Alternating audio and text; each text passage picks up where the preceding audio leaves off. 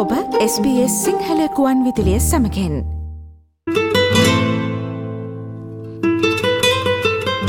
සවන් පත් අතර නින්නාද දෙන කැංගරු දේශයෙන් ඇසෙනා සිහල මියවුරු සරය. මගේ ගීතය. මගේ ගීතය. SBS සිංහලකුවන් විදුලිය.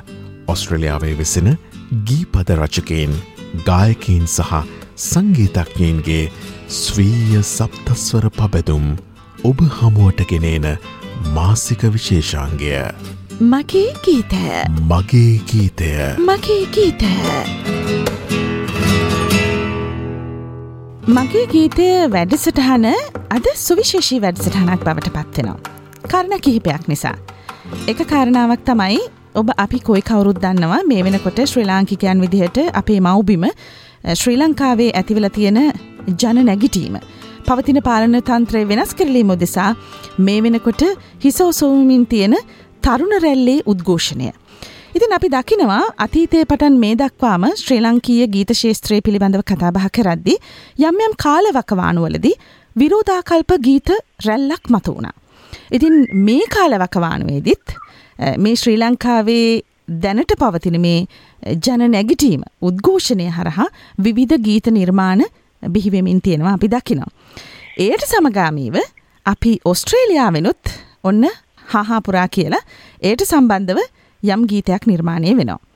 මේක ඉතින් අනිත්සු විශේෂිත්වය තමයි මේ ගීතයට සම්බන්ධ වන නිර්මාණකරුවන් ත්‍රයි පාර්ශවයම ගී පද රචනය ගායනී සහ සංගීත මේ තුන් පාර්ශවයම ඉන්න ඔස්ට්‍රේලියාවේ මෙල්බන්වර. ශ්‍රී ලංකාවේ දැනට මේ තියෙන ජන නැගිටීම පෙරමුණු කරගෙන අපේම සොයරු සොයරුයන් වෙනුවෙන් මෙල්බන් වලින් පිදුණු සුවිශේෂී ගීත නිර්මාණයක් කලා නිර්මාණයක් කියලා අපිට මේක හඳුන්වන්නට පුළුවන්. රැකගමු ලක් අම්මා මේ අපුරු ගීතයේ ගීපද සමන් කොළරත්නගෙන් සංගීතය ඉන්ද්‍රජිත් මෙරිහානගෙන් ගායනය ගීතාන් බණ්ඩාරගෙන්. ති මේ අතරින් දැන් දෙදෙනෙක් මන් සම්බන්ධ කරගෙන සිටිනවා. ගීපද රචකයා විදිහට සමන් කොල්රත්න එවගේම මේ ගීතේ ගායකයා විදිහට ගීතාන් බණ්ඩාර. දෙදෙනාටම ආයිබෝවන් කියමින් අපි SBS සිංහල සේවේ මගේ ගීතේ විශේෂාංගයට පිළිගන්නවා. මම මුලින්ම සමන්ට යොමු එන්නම්. මොකද මේ ගී පද රචකයාට යොමුවීම මං හිතනවා අපිට විශාල පරාසයක කරුණු අනාවරණය කරගන්නට හැකියාවක් ලැබේවි කියලා මේ වගේ කාලවකවානුවක මෙවැනි ගීතයක් නිර්මාණය වීම පිළිබඳව. සමන් කොහොමද මුලින්ම මේ සංකල්පනාව ඔබේ හිතට එන්නේ? ඇතරම දෙල්රක්ෂේ අපි හැම දෙනාම මම හිතන්නේ ඔස්ට්‍රේලියාවේ අපි ජීවත් වුණාට අපි හිතින් හැම වෙලෙම අපේ මව්බිමත් එක්ක තමයි බොහෝ විට අපි හැඳෙන්නේ මේ දිනවල ලංකාව මුණ පාලා තියෙන මේ தত্ত্বය දැඩි විදිහට අපිව සංවේදී බවට පත් කරනවා. මොකද අපි මේ හිටියට අපේ සියලු මුල් තියෙන්නේ ලංකාවේ. අපේ නෑදෑ හිතවතුන්, හිත මිතුරන් මේ සියලු දෙනාම ජීවත් වෙන ලංකාවේ. ඉතින් ඔවුන්ට යම්කිසි කරදරයක් ආපදාවක් සිද්ධ වෙන හැම අවස්ථාවකදීම විශේෂයෙන්ම පිටරට වාසය කරන සියලු දෙනාම එක්රොක් වෙලා හැම වෙලෙම ඒ කියන අවස්ථාවෙන් ගොඩ එන්න අවශ්‍ය හැම දෙයක්ම සිද්ධ කරලා ඔවුන්ට පිටක් වෙන එක තමයි අපි මෙච්චර කල් කරේ. මම හිතන්නේ අපේ ජීවිත කාලේ අපිට අහන්න දකින්න ලැබුණු දරුණු ඛේදවාචකය කියලා කිව්වොත් නිවැරදි. ඉතින් රටක් මේ වගේ තත්යකට පත් වෙනවා කියලා කියන්නේ විශේෂම රටක් බංකොලොත් කියලා. අපි කොහොමද රටක් කරලා විදේශයක ඉඳන් අපේ රට බංකොලොත් කියලා අපි කොහොමද කියන්නේ? ඒක කොයිතරම් කනගාටුදායක දෙයක්ද? ඒ තරම් මං හිතන්නේ අපේ ජීවිතයට අපේ ආත්මයට ඒ තරම් මං හිතන්නේ දුකක් එහෙම නැත්නම් වේදනාවක් මං හිතන්නේ කිසිම දවසක අපිට දැනෙන්නේ මේ තරම්. ඉතින් අන්න ඔය කියන தත්ත්වයක් එක්ක විශේෂම රටේ තාරුණ්‍ය අද පෙරළුමර අරගෙන මේ තියෙන පාලනය වෙනස් කරලා මේ ක්‍රමය වෙනස් කරලා ඔවුන්ට අලුත් ලංකාවක් අලුත් රටක් නව දේශයක් සදන්න තියෙන අභිප්‍රාය තමයි අද ඒ තරුණයන්ගේ මේ නැගිටීමෙන් මේ පේන්නේ. අපිත් ඔවුන් සමග අපිට කරන්න පුළුවන් විශේෂම නිර්මාණකාර විදිහට අපිට ගොඩක් දේවල් කරන්න පුළුවන්. එක වචනයකින් අපි ලියන එක වචනයකින් රටක් සම්පූර්ණයෙන් අනිත් පැත්තට ගන්න පුළුවන්. මම හිතන්නේ නිර්මාණකාරෝ විදිහට අපිට කරන්න පුළුවන් දේ තමයි ඇතරම හැකි ඉක්මනින් මේ කියන தත්වයට අපි දායකත්වය ලබා දෙන එක. ඒක තමයි මේ කෙරුණේ. ඔවු සමන්දැන් ඇත්තටම මේ දැන ඔබ සඳහන් කරපු ආකාරයකට විදේශයක ඉඳලා මේ අපිට අපේ මවබිම දිහාපි නිරන්තරෙන්ම බලාගෙන ඉන්නවා එහි සිදුවන දේවල් දෑත් බැඳගෙන බලාගෙන ඉන්න බැහැ අපි විදේශයක ජීවත් වනාට. තැන් මේ ඔබ මෙහිදී වචනවලට පෙරලනවා. වනන්තරයේ පෙරලා ගස් කැපුවාට ලැබෙන පඩුරක් නැහැ වතුරත් තිබහකට. ගංයුරේ වැලි කපලා ගොඩ දැම්මාට ගඟකුට ගලනවා දැන් වැස්සක් වැටුනහම. මේ ආකාරයෙන් ඔබ මේ දැන් මේ තියෙන වාතාවරණයට මූලික වන දූෂිත දේශපාලනය සම්බන්ධව ඉංගි සපයනෝ මේ පදවැල් හරහා. ඔබ කොහොමද මේ මේ පදවැල් පෙළගස්වන්නට මේ මේ කරුණු එකතු කරගෙන මේ මේ ගී සංකල්පනාව නිර්මාණය කළේ එතනිද ඔබ සැලකිලිමත්වන කරුණු මොනවාද. ඇතරම දිල්රක්ෂය මෙතනදී අපි දැන් දැන් මෙතර ප්‍රධාන මාතෘකා වෙලා තියෙන්නේ දෙසිය විසිපහම එපා කියන එක. හැබැයි මේ රටේ සියලු දෙනාම යම්කිසි මට්ටමකින් මේකට යම්කිසි දායකත්වයක් දීලා තියෙන රට මේ තත්ත්වයට ගේන්න. දේශපාලඥයෝ වගේම නිලධාරියෝ ඒ වගේම අනිකුත් සේවකයන් මේ සියලු දෙනාම මේ තත්ත්වයට වල් කියන්න ඕනේ. ඒ 225 විතරක් නෙවෙයි දේශපාලඥයෝ විතරක් නෙවෙයි. ඔවුන්ට අනුබල දුන්න ඔවුන් දුන්න නියෝග ක්‍රියාත්මක කරපු ඒවා වැරදි කියලා කියන කොහොමද තිබ්බ නැති. ඒ නිලධාරියෝ ඒ වගේම මේවට අත්උදව් කරපු හැම කෙනෙක්ම සමාජයට අපි ඡන්දයක් තුලින් උනත් වැරදි මිනිහෙක් වෙතෙන් යාවපු අපි හොරෙක් කියලා දැනගෙනම අපි ගිහිල්ලා කතරේ ගහපු අපි මේකට වල් කියන්න ඕනේ. ඒ නිසා තමයි මම අර වගේ අපි කරලා තියෙන ඒ කියන්නේ විනාශය. ඒ ඒ වගේ පැත්තකින් මම මේක පටන් ගන්න ඊට පස්සේ මම මේක ක්‍රමක්‍රමයෙන් මේ අද තියෙන තත්ත්වය දැක්කා අරගෙන ආවේ. හොඳ මං මේ මේ ගීතයේ ගායකයා ගීතාන් බණ්ඩාරට යමු එන්න කැමති ගීතානුත් දැන් අපිත් එක්ක සම්බන්ධ වෙලා ඉන්නවා. ගීතාන් පිළිබඳව අපිට දැනගන්නට හමු වෙන්නේ ශ්‍රී ලංකාවේ ප්‍රමුඛ කලා යුවලකගේ පුත්‍ර රත්නයක් විදිහට ධම්මිකා වල්පොල සහ මහින්ද බණ්ඩාර යුවලගේ ආදරණීය පුත්‍ර රත්නය දැන් ඉන්නේ මෙල්බර්න් වල. ගීතන් මේ ඔබ බොහොම සාදරයෙන් අපි පිළිගන්නවා පළවෙනි වතාවට අපේ වැඩසටහනට අපිට ඔබ හමු වෙන්නේ පළවෙනි වතාවට මේ ගීතය හරහා. දැන් ඔබ ස්තුතියි නොඩාස වැඩසටහනට ඇත්තටම ආරාධනා කරනවා. හොඳයි ගීතන් දැන් ඇතරම මේ ඔබගේ මේ අර බොහොම තාරුණ්‍යයේ හඬක් එකතු වෙනවා මේ ගීතයට. දැන් පසුගිය කාලවකවානුවේදී අපි දැක්කා මේ ශෛලියේ ගීත වලට යම් ජනප්‍රියතාවයක් ලංකාවේ තියෙනවා. දැන් ලංකාවේ නැගිටලා තියෙන තරුණ රැල්ලට සමගාමීව මේ ගීතය නිර්මාණය වෙනවා ඔබේ තාරුණ්‍යයේ කටහඬ සහ ඒ රිද්මයත් එක්ක. ඔබට කොහොමද මේ අවස්ථාව සැලසෙන්නේ? ඇත්තරම මම රස්සාව කරලා ගෙදර යනකොට මේ සං ඉන්ද්‍රීත් අය කතා කරලා කිව්වා මෙහෙමයි අපි සින්දුවක් කරලා තියෙනවා පොඩ්ඩක් ඇවිල්ලා මේක කියන්න මට මේක පොඩ්ඩක් අර රොක් ජොනර් එකට කියන්න ඕනේ කියලා.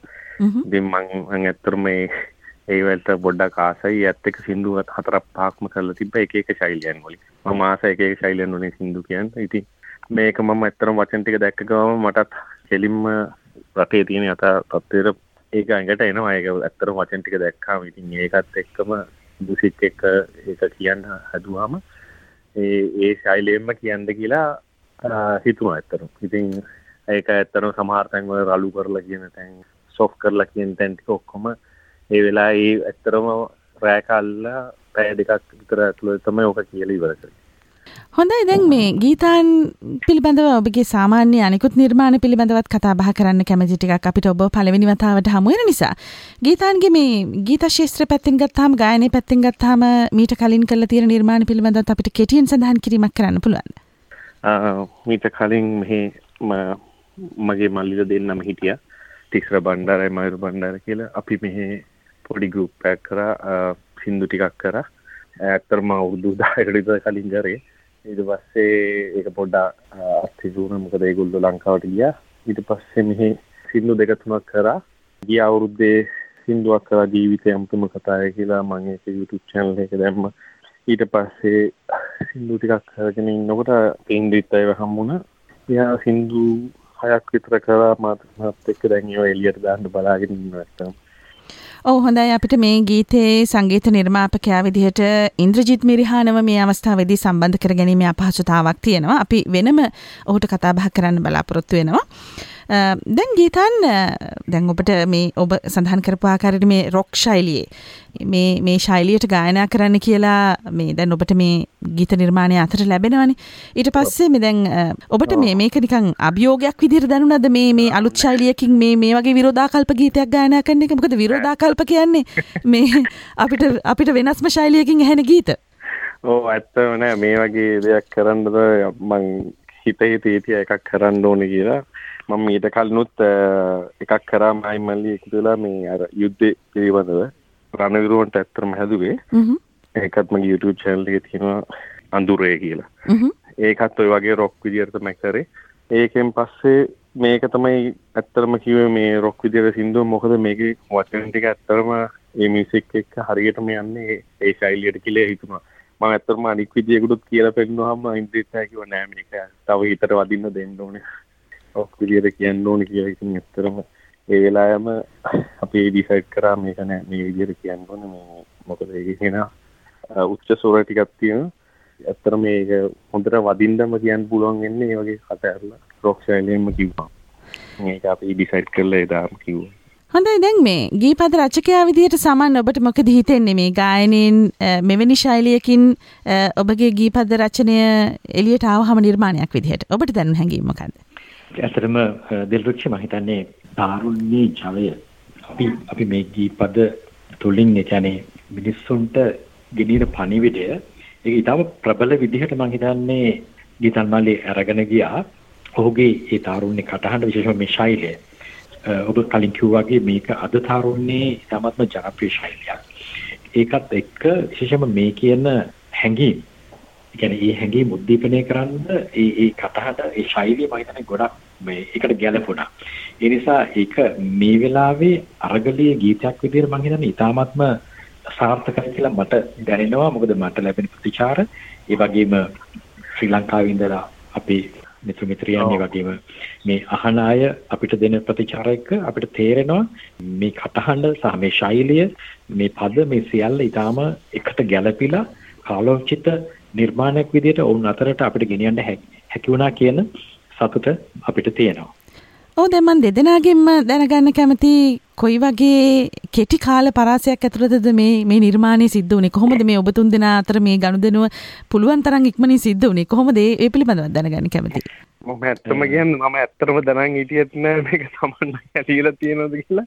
මොකද ඇත්තරම ඒදා රෑ මම වැඩ කරලා යනකොට ඉන්දෙත් අය කතා කරලා මල්ලියෙන් හින්දුවක් කියන්න තියනවා කියලා ඒදා කියලා ඉවරනට පස්සේ සම්බන්නයටත් කතා කරමුද කියලා ඒ වෙලාවේ පොඩ්ඩක් රෑ වෙලා තිබ්බ හින්දා ඒක ඇත්තටම සමන්නයට කතා කරන්න බැරි වුණා. නැත්නම් සමන්න එනවා කියලා මම අනිවාර්යයෙන්ම දන්නවා. සමන් දැනගෙන හිටියද මේ ගීතේ ගීතාන් තමයි ඉන්නේ කියලා? මේ මේක මට සංකල්පයක් විදිහට ඔළුවට ආපු වෙලේම මම මේ පද ටික ලියලා මොකද මම සාමාන්‍යයෙන් ගොඩක් වෙලාවට මම ලියන බොහෝ ගීත වලට සංගීත සපයලා තියෙන්නේ ඉන්ද්‍රිත් මෙරහන් අපේ තාරුණ්‍ය සංගීත අධ්‍යක්ෂවරයා. ඉතින් මම බොහෝ ලියන දේවල් මම ඔහුට යොමු කරනවා සාමාන්‍යයෙන්. මේකත් මම ඒ වගේ මම ඔහුට යොමු කරා. ඉතින් ඒ වෙලාවෙම ඔහු කිව්වා නෑ මේක ඉතාමත්ම හොඳ ගීතයක්. අපි මේක ඉතාම ඉක්මනින් මේක ගීතයක් බවට අපි පත් කරමු. මේකට මට දවසක් දෙන්න කියලා ඔහු ඊළඟ දවසේම මේ ගීතය සංගීතය ලියලා ඊට පස්සේ මේකට අපි හේතුව කාටද මේක අපි මේ බාර දෙන්නේ කියලා මොකද මේක වෙනම හැඩයක් වෙනම ශෛලියක් ඒ වගේම වර්ණයක් මේකේ තියෙන්නේ. ඉතින් ඒකට හරියන සංගීතය අපි කොහෙන්ද හොයාගන්නේ කියලා ඉතින් එතනදි තීරණය කරුණා සංගීත වික්‍රමසිංහයන් තමයි මේකට වඩාත්ම සුදුසු මේ මියුසික් ඇරේන්ජ්මන්ට්ස් ටික කරන්න කියලා ඉන්ද්‍රිත් මම හිතන ඔහුට ඒ වැඩේ බාර දුන්නා. ඔහුත් ඊටාම එක මගේ දවස් දෙකක් විතර කාලයක් ඇතුළත අපිට මේක ට්‍රැක් එක කරලා අපිට ලැබුණා. ඒ වගේම ගීතන් මල්ලිත් අපිට බොහොම ඉක්මනින් ඔහුට මම හිතන්නේ මේ වෙලාවේ තිබ්බ සෞඛ්‍ය තත්ත්වය ඒකත් මම හිතන්නේ උදේ දිනයක් විතර තුල ඒකත් හදාගෙන මේ ගීතය ඊටාත්ම ඉක්මනින්ම පටිගත කරලා මේ ගීතයක් බවට පත් කරලා අපිට මේ එළියට දෙන්න හැකියාව හම්බුන මන්ද සතියක් වගේ කාලයක් තුල දැන් මේ මට මතක් වෙනවා මීට කාලෙකට කලින් මේ මේ දැන් මම හිතන වසර ගණනාවකට කලින් මේ වගේ ශෛලියක ගීතයක් තාරුණ්‍ය ඇද බැඳගත්තේ අර නදී ගංගා තරණයේ ගීතේ දැන් ඒ ගීතේ මට මතකයි තරුණයෝ බොහොම ඉක්මනින් මේ ශෛලිය වැළඳගත්තා. ඒක අලුත් අත්දැකීමක් බවට පත් වුණා ඒ කාලේ තරුණ තරුණයන්ට. දැන් නම් ඒගොල්ලෝ ටිකක් වයසටත් ගිහිල්ලා ඉන්න කට්ටිය. නමුත් මේ තාමත් ඒ ශෛලිය ජනප්‍රියයි. දැන් ගීතා නොබ යළිත් එනවා ඒ වගේ ශෛලියකට පහු විශේෂයෙන්ම විරෝධාකල්ප ගීත ශෛලියේ අලුත් වෙනසක් සිදු වෙනවා මේ ගීතයත් හරහා. දැන් ගායකයා විදිහට ඔබට ලැබෙන ප්‍රතිචාර කොහොමද? ඇත්තටම මේ මේක දැම්මට පස්සේ ගොඩක් කට්ටිය කෝල් කරලත් කිව්වා හරිම ලස්සනයි මේක මේ පද රචනය සහ සංගීතය සහ ගායනය කියලා. ඉතින් මං හිතන එක ගොඩක් සාර්ථකයි කියලා ඒ දීම අපිට ඇත්තරම ඇත්ත වශයෙන්ම එක සින්දුවකින් එළියට දෙන්න පුළුවන් වීම ගැන. ඉතින් අපි ඇත්තටම ආඩම්බර වෙනවා මෙල්බන් වලින් තනිකරම මෙල්බන් නිර්මාණයක් විදිහට මේ ගීතය ශ්‍රී ලංකාවේ තියෙන තත්වයට සමගාමීව නිර්මාණය වීම පිළිබඳව ඔබ දෙදෙනාටම මේ ගීතය මේ ශ්‍රී ලංකාවේ ඇතිවෙලා තියෙන ජන උද්ඝෝෂණයට යම් කිසි දායකත්වයක් සපයන්නට ලැබීම පිළිබඳව කලාකරුවන් විදිහට ලැබුණ අවස්ථාව පිළිබඳව දෙදෙනාගෙන්ම කෙටි අදහසක් ලබා ගැනීමෙන් මා මේ සාකච්ඡාව අදට නිමාවට පත් කරන්න බලාපොරොත්තු වෙනවා. මොකද හිතෙන ගීතාන්? මටනං ඇත්තනම හරිම වේදනාව මේ රටේ ඇතිලා තින් තත්ත්වය අනුව ඒකට මේ වගේ නිර්මාණයකින් දායකත්වයක් දෙන්න ලැබීම ගැනත් මට සතුටුයි ඒ වගේ මේකින් යම් කිසි මැසේජ්ජයක් යනවනම් මේ අපේ පාලකයන්ට දැන්වත් කාලය අපි ඔක්කොම එකට ඉන්න එකට ඉන්න කාලය කෙනෙක මැසේජ් එක ඔලුවට යවන්න තමයි අපිට ඇත්තටම ඕනුනේ. ඉතින් ඒක මං හිතනවා සාර්ථක වෙයි කියලා අහන අහන හැම එක්කෙනාම ගොඩක් හොඳ ප්‍රචාර හම්බෙන හින්දා. සමන්? ඔව් ඇත්තටම මේ වෙලාවේ මව්බිමේ මේ තියෙන තත්ත්වයක් එක්ක අපිට යම් කිසි දායකත්වයක් විශේෂයෙන්ම නිර්මාණකරුවෝ විදිහට අපට කරන්න පුළුවන් කාර්ය කරන්න හැකුණා කියන හැඟීම මට තියෙනවා. ඉතින් ඒ ඒ එක්කම අරගලී යෙදিলা සිටින විශේෂයෙන්ම තාරුණ්‍ය ඒ වගේම අනිකුත් ඒ සියලු දෙනාටම මේ සටන සාර්ථකත්වය කරා ගෙනියන්න පිටුවහලක් ඒ වගේ පන්නරයක් වෙන්න හැකි වේවායි කියලා මම මේ නිර්මාණය තුලින් අපි සෙල් තුන් දෙනා මම හිතන්නේ අපි ඒක එකඟයි. ඉතින් අපි මේ වෙලාවේදී අපේ කාර්ය අපිට කරන්න පුළුවන් වුණා කියන සතුටත් සමගින් සාර්ථකත්වයෙන් සාර්ථකත්වයටම ගමන් කරන්නට අවශ්‍ය ශක්තිය ධෛර්යය අපි ප්‍රාර්ථනා කරනවා. හොඳයි. අපි ස්තුතිවන්ත වෙනවා මෙවර SBS සිංහල සේවේ මාසික විශේෂාන්ගේ මගේ ගීතය විශේෂාන්ගෙන් තනිකරම මෙල්බැන් වලින් නිර්මාණය වුණු ගීතයක් අපි තෝරගත්තේ රැකගමුලක් අම්මා කියන අලුත්ම ගීතය. ශ්‍රී ලංකාවේ මේ ඇති වෙලා තියෙන තත්වයට සමගාමීව මෙල්බන් වලින් තනිකරම බිහිවුණු ගීතයක්. ගී සංකල්පනාව සමන් කුලරත්නගින් සංගීතය ඉන්ද්‍රජිත් මෙරිහානගෙන් ගීත ගායනය ගීතාන් බණ්ඩාරගෙන්. මෙල්බන් වලින් නිර්මාණය වුණු මේ ගීතයට දායකත්වය සපයපු මේ තිදෙනාම මෙල්බන් වාසී තිදෙනෙක්. ඉතින් අපි ස්තුතිවන්ත වෙනවා අපගේ මේ වැඩසටහනට ඔබගේ අදහස් යොමු කරන්නට ඔබේ අවංකා හැඟීම් බෙදා හදා ගන්න සම්බන්ධවීම පිළිබඳව ගීතාන් ඔබටත් සමන් ඔබටත් බොහොම ස්තුතියි. මේ අවස්ථාවේ අපි විශේෂයෙන්ම මේ ගීතයට සම්බන්ධ වන අය විදිහට ඔබටත් SBS සිංහල සේවයටත් අපේ පූර්ණ ප්‍රණාමය අපි මේ අවස්ථාවේ පුද කරනවා. අපිට මේ අවස්ථාව ලබා දුන්නට අපිව සම්බන්ධ කරගත්තට. මටත් එහෙමයි කියන්නේ අපිට ඇත්තටම හරිම සතුටුයි මේ වගේ දෙයකට අපි සම්බන්ධ කරගෙන සහ අපේ මේ සින්දුව තව කට්ටියට මේ යන එක ගැන හරිම සතුටුයි මේක ගැන මේ කතා කරන්නේ. බොහොම ස්තුතියි ප්‍රකට. හොඳයිද නීළඟට මගේ අවධානය යොමු වන්නේ මේ ගීතේ සංගීත නිර්මාණ ශිල්පියා ඉන්ද්‍රජිත් මෙරිහාන වෙතට ඉන්ද්‍රජිත්ව අපිට ගීතාන් සහ සමන් එක එකට එකතුව සම්බන්ධ කර ගැනීම හැකියාවක් ලැබෙන නැහැ. ඒ නිසා අපි ඉන්ද්‍රජිත්ව වෙනම සම්බන්ධ කරගන්නවා. ඉන්ද්‍රජිත් ඔබ බොහොම සාදරයෙන් මගේ ගීතේ මේ විශේෂංගයට සම්බන්ධ කරගන්න ගමන් ඇතරම මුලින්ම මං කතා බහ කරන්න කැමති. දැන් මේ ගීතය සඳහා ඔබගේ දායකත්වය සිදුවන්නේ කොහොමද කියලා. ඔදිල්රුක්සි ඇත්තට මම මුලින්ම ඔබටත් ඔබ මාධ්‍යායතනටත් ස්තුතිවන්ත වෙනවා අප මේ වැඩසටහනට සම්බන්ධ කර ගැනීම පිළිබඳව ඔබ ඇව්ව විදිහට මම මේ ගීතය ටිකක් වෙනත් සංගීත ශෛලයකින් ටිකක් උස්වරයකින් තමයි නිර්මාණය කළේ. මම ඉස්සෙල්ලාම මගේ හිතේ මං ගිය අරංගල භූමියට. ඒ අරංගල භූමියේදී ඔවුන්ගේ අපේ තරුණ තරුණයන් ගිල්ලීම් ඔවුන් ඔවුන් ඒවා ප්‍රකාශ කරන්නේ ඔවුන්ගේ ඉල්ලීම් ඉල්ලන්නේ මොන ස්වරයෙන්ද? ඔවුන් ඉතා උත්සහඬකින් තමයි ඒ ඉල්ලීම් ඉල්ලන්නේ. මොකද එතකොට තමයි ඒක එක දැනෙන්නේ. ඉතින් මම මම හිතුව මේ ගීතයක් නිර්මාණය කරන්න ඕනේ එවැනි ස්වරයකින්. ඉතින් මං ඒකට ටිකක් උත්සවයක් භාවිතා කරා. ඉහල ඉහල ස්වර භාවිතා කර. ඇත්තට මේ ගීතය දැන් මම නිර්මාණය කළාම මට මේක මේ මේ තනුව අපේ ගීතන් මල්ලිට කියලා පෙන්වන්නවත් මට බෑ. ඒක එච්චර ඉහල උස්සරයක් ඉතින් ගීතන් මල්ලි ඉතා හොඳ ගායන ශිල්පියෙක්. ඔහුට ඔහුට ඒ ස්වර ගායනා කරන්න පුළුවන් අනායාසයෙන්. ඔහු ඔහුට හොඳ අනාගතයක් ගායන ශේෂත්‍රය තුළ හොඳ අනාගතයක් තියෙන ගාන ශිල්පියෙක්. ඉතින් ඔහු මං හිතන්නේ මේ ගීතයට මේ ගීතයේ වචනවලට අදහසට ගැලපෙනම විදිහට ඔහු ගේක ගායනා කළා. මම බලාපොරොත්තු වුණු ශබ්දය ඔහු මට අරන් දුන්න. ඔව හොඳයි. දැන් දැන් මේක විරෝධාකල්ප ගීතයක්නේ. දැන් මේ වගේ විරෝධාකල්ප ගීත අපි මීට කලිනුත් ලංකාවේ අහලා තිබුණා. විරෝධාකල්ප ගීත නිර්මාණය වුණු යුගත් තිබුණ ලංකාවේ. නමුත් සංගීත ශෛලිය ගත්තහම ඒ විරෝධාකල්ප ගීතවල තිබුණේ වෙනමම සංගීත ශෛලියක්. අපිට ලාංකිකයන් විදිහට හුරුපුරුදු ඒ සංගීත ශෛලිය. මේ වගේ රොක් සංගීත ශෛලියක් වගේ වෙනත් සංගීත ශෛලියක් ඔබ යොදාගන්න හිතුවේ ඇයි ඉන්ද්‍රජිත්? ඔද්දිල්ලුක්ෂ ගීතයක් රසිකයන් අතරට යන්න සංගීත ශෛලිය කොපමණ දුරට බලපානවදකින් ප්‍රශ්නයට මං උත්තරයක් දෙන්නම් මේ ගීතය උදාහරණකට අරන්න වේ පොදුවේ ගීතයක් අපි ගත්තහම එක එක සංගීත නිර්මාණ ශිල්පීන් තමන්ගේ අදහස් ප්‍රකාශ කරන විදි තියෙනවා දැන් අපි ලංකාව ඉපදුන හින්දා අපි නොයෙක් රටවල්වල දේවල් හොයලා බලන හින්දා එතකොට අන්තර්ජාලය තුළින් අපි දකින ඇහෙන දකින හින්දා අපිට නොයෙක් සංගීත ශෛලියන් භාවිතා කරන්න පුළුවන්. හැබැයි සමහර සංගීත ශිල්පීන් ඉන්නවා ලෝක ප්‍රසිද්ධ සංගීත ශිල්පීන්. ඔවුන් ගීත නිර්මාණය කරන්නේ ඔවුන්ගේ ඔවුන්ට ආවේනික සංගීත ශෛලියකින් විතරයි. දැන් ඔබ කතා කරා වගේ අපි රොක් සංගීත ශෛලිය ගත්තොත් ඔවුන්ගේ සියලුම ගීත ඔවුන්ගේ සියලුම ගීත ඔවුන් ගොඩක් වෙලාවට නිර්මාණය කරලා තියෙන රොක් සංගීත ශෛලිය. ඉතින් ඔය ඔය ගීත තුල තියෙනවා ආදර ගීත තියෙනවා පරිසරය ගැන කියවෙන ගීත තියෙනවා විරෝධාකල්ප ගීත තියෙනවා ඔය සියලුම ගීතවලට ඔවුන් භාවිතා කරලා තියෙන්නේ ඔවුන්නේ දන්නා සංගීත ශෛලිය. ඉතින් ඒවා ජනතාව අතරට ගිහිල්ලා තියෙනවා. ඉතා ජනප්‍රිය ගීත තියෙනවා.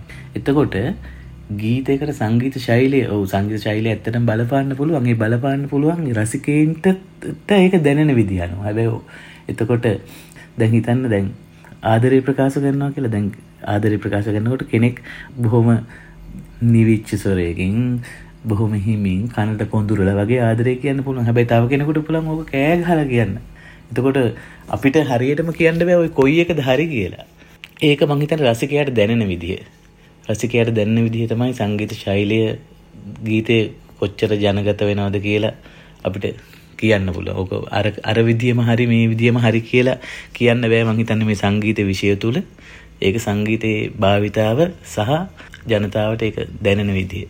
ශ්‍රී ලංකාවේ නැගිටිලා තියෙන මේ ජන රැල්ලට සමගාමීව ඔස්ට්‍රේලියාවේ මෙල්බන්නුවරින් බිහිවුණු මේ විරෝධාකල්ප ගීතය සඳහා ලැබෙන ප්‍රතිචාර පිළිබඳවත් ඇත්තරම දැනගැනට කැමති. සංගීත නිර්මාපකයා විදිහට ඉන්ද්‍රජිත් දැන් මේ ගීතය සහ එහි සංගීත නිර්මාණය පිළිබඳව ඔබට ලැබෙන කොයි වගේ ප්‍රතිචාරද. ඔවදිල්ලොක්ෂ ගීතයේ ගීතයට ලැබෙන ප්‍රතිචාර ගැන කතා කරතු ඉතින් හොඳ මුදාහරණය ඔබ තමයි. තින ඔබ මේ ගීතය අහලා අපිට කතා කරේ මේ වැඩසටහන්ට මේ ගීතය අද කාලෝචිතයි අදට ගැලපෙන හින්දා කියලා ඔබටත් හැඟුණ හින්දා. ඉතින් ඒ වගේ ඒ ගීතේ දැනෙච්ච අය ගොඩ දෙනෙක් අපිට කතා කරනවා. අපිට ස්තුතිවන්ත වෙනවා. මටත් පෞද්ගලිකව මම සතුටු වෙනවා මට මේ වෙලාවේ ලංකාවේ ලංකාවේ ඉන්න අවස්ථාවක් නොලැබුණත් ඒ ලංකාවේ පවතින තත්ත්වයට අපිට මේ අපි දන්න කලාවෙන් අපිට සුළු හෝ දායකත්වයක් ලබා දීමට ලැබීම පිළිබඳව මම සතුටු වෙනවා. හොඳ ඉන්ද්‍රජිත් අපි ස්තුතිවන්ත වෙනවා මගේ ගීතය විශේෂාංකයට කතාබහ කරන්න අපිත් එක්ක සම්බන්ධවීම පිළිබඳව බොහොම ස්තුතියි එවගේම තවත් මෙවැනි වූ හරවත් රසවත් නිර්මාණ මෙල්බන්නුවරින් බිහි කරන්නට ඔබට ධෛර්ය ශක්තිය ලැබේවා කියලා අපි සුභාශිංෂණ අර්ගෙනනවා.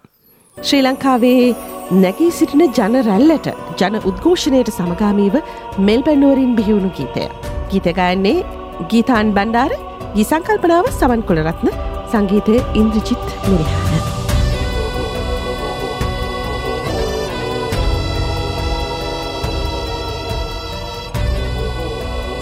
සමන්පත් අතර නින්නාට දෙන කැංකරු දේශයෙන් ඇසෙනා සිහල මියවුරු සරය.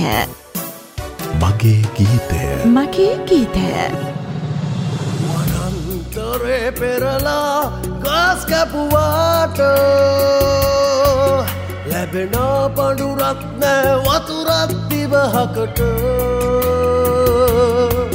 ගංගිවරේ වැලි කපලා ගොඩ Kanga goda gala wesak Oxygen kanna dai no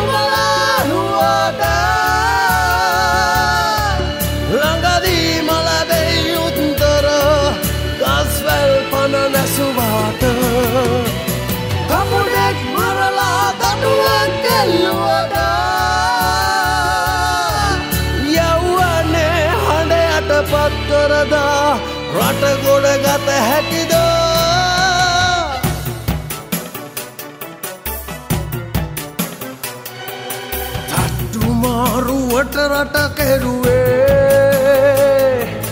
කරුමයට මගේ රටේ සාරයහිරුවේ තොපිසීරුවට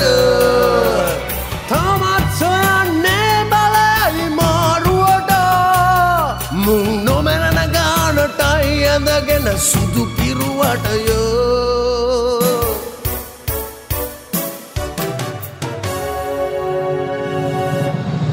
වනන්තරේ පෙරලා ගස් කැපුවාට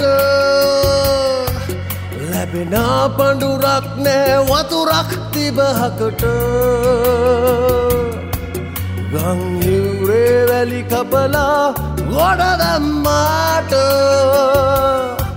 ගඟ ගොඩ ගලනවද වැස්සක් වැටුනාම. ඔක්සිජන් කන්නදයි නුබලාරුවට ළඟදීම ලැබැයි උන්දර ගස් වැල් පැන නැසුවාට. කපුටෙක් මරලා තටුවක් එල්ලුවට.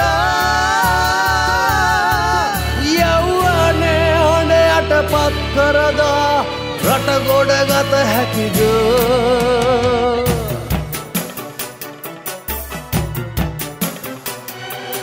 හොරකම් කරපු දේගෙන රට පාරයට දඟගේ දමෝ පොදු දේපල කෑපාපයට සුදු සාට දේරට කෙරුමට පාලනය.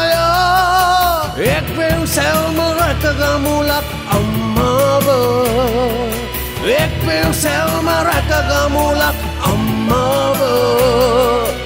එක්වෙව් සැවම රැකගමුලක් අම්මාව.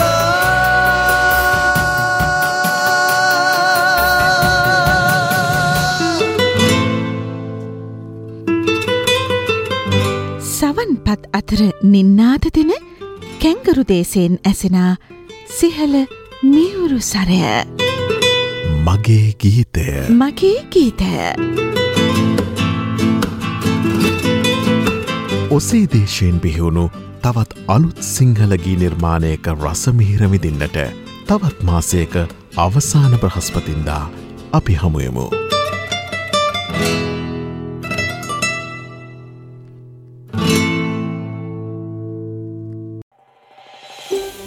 මේ වගේ තවත්තොරතුරු දැනගන්න කැමතිද. එහමනම් Apple podcast Google podcast Spotify ඔබගේ පොඩ්කාස්ට ලබාගන්න ඕනෑම මාතයකින් අපට සවන්දය හැකේ.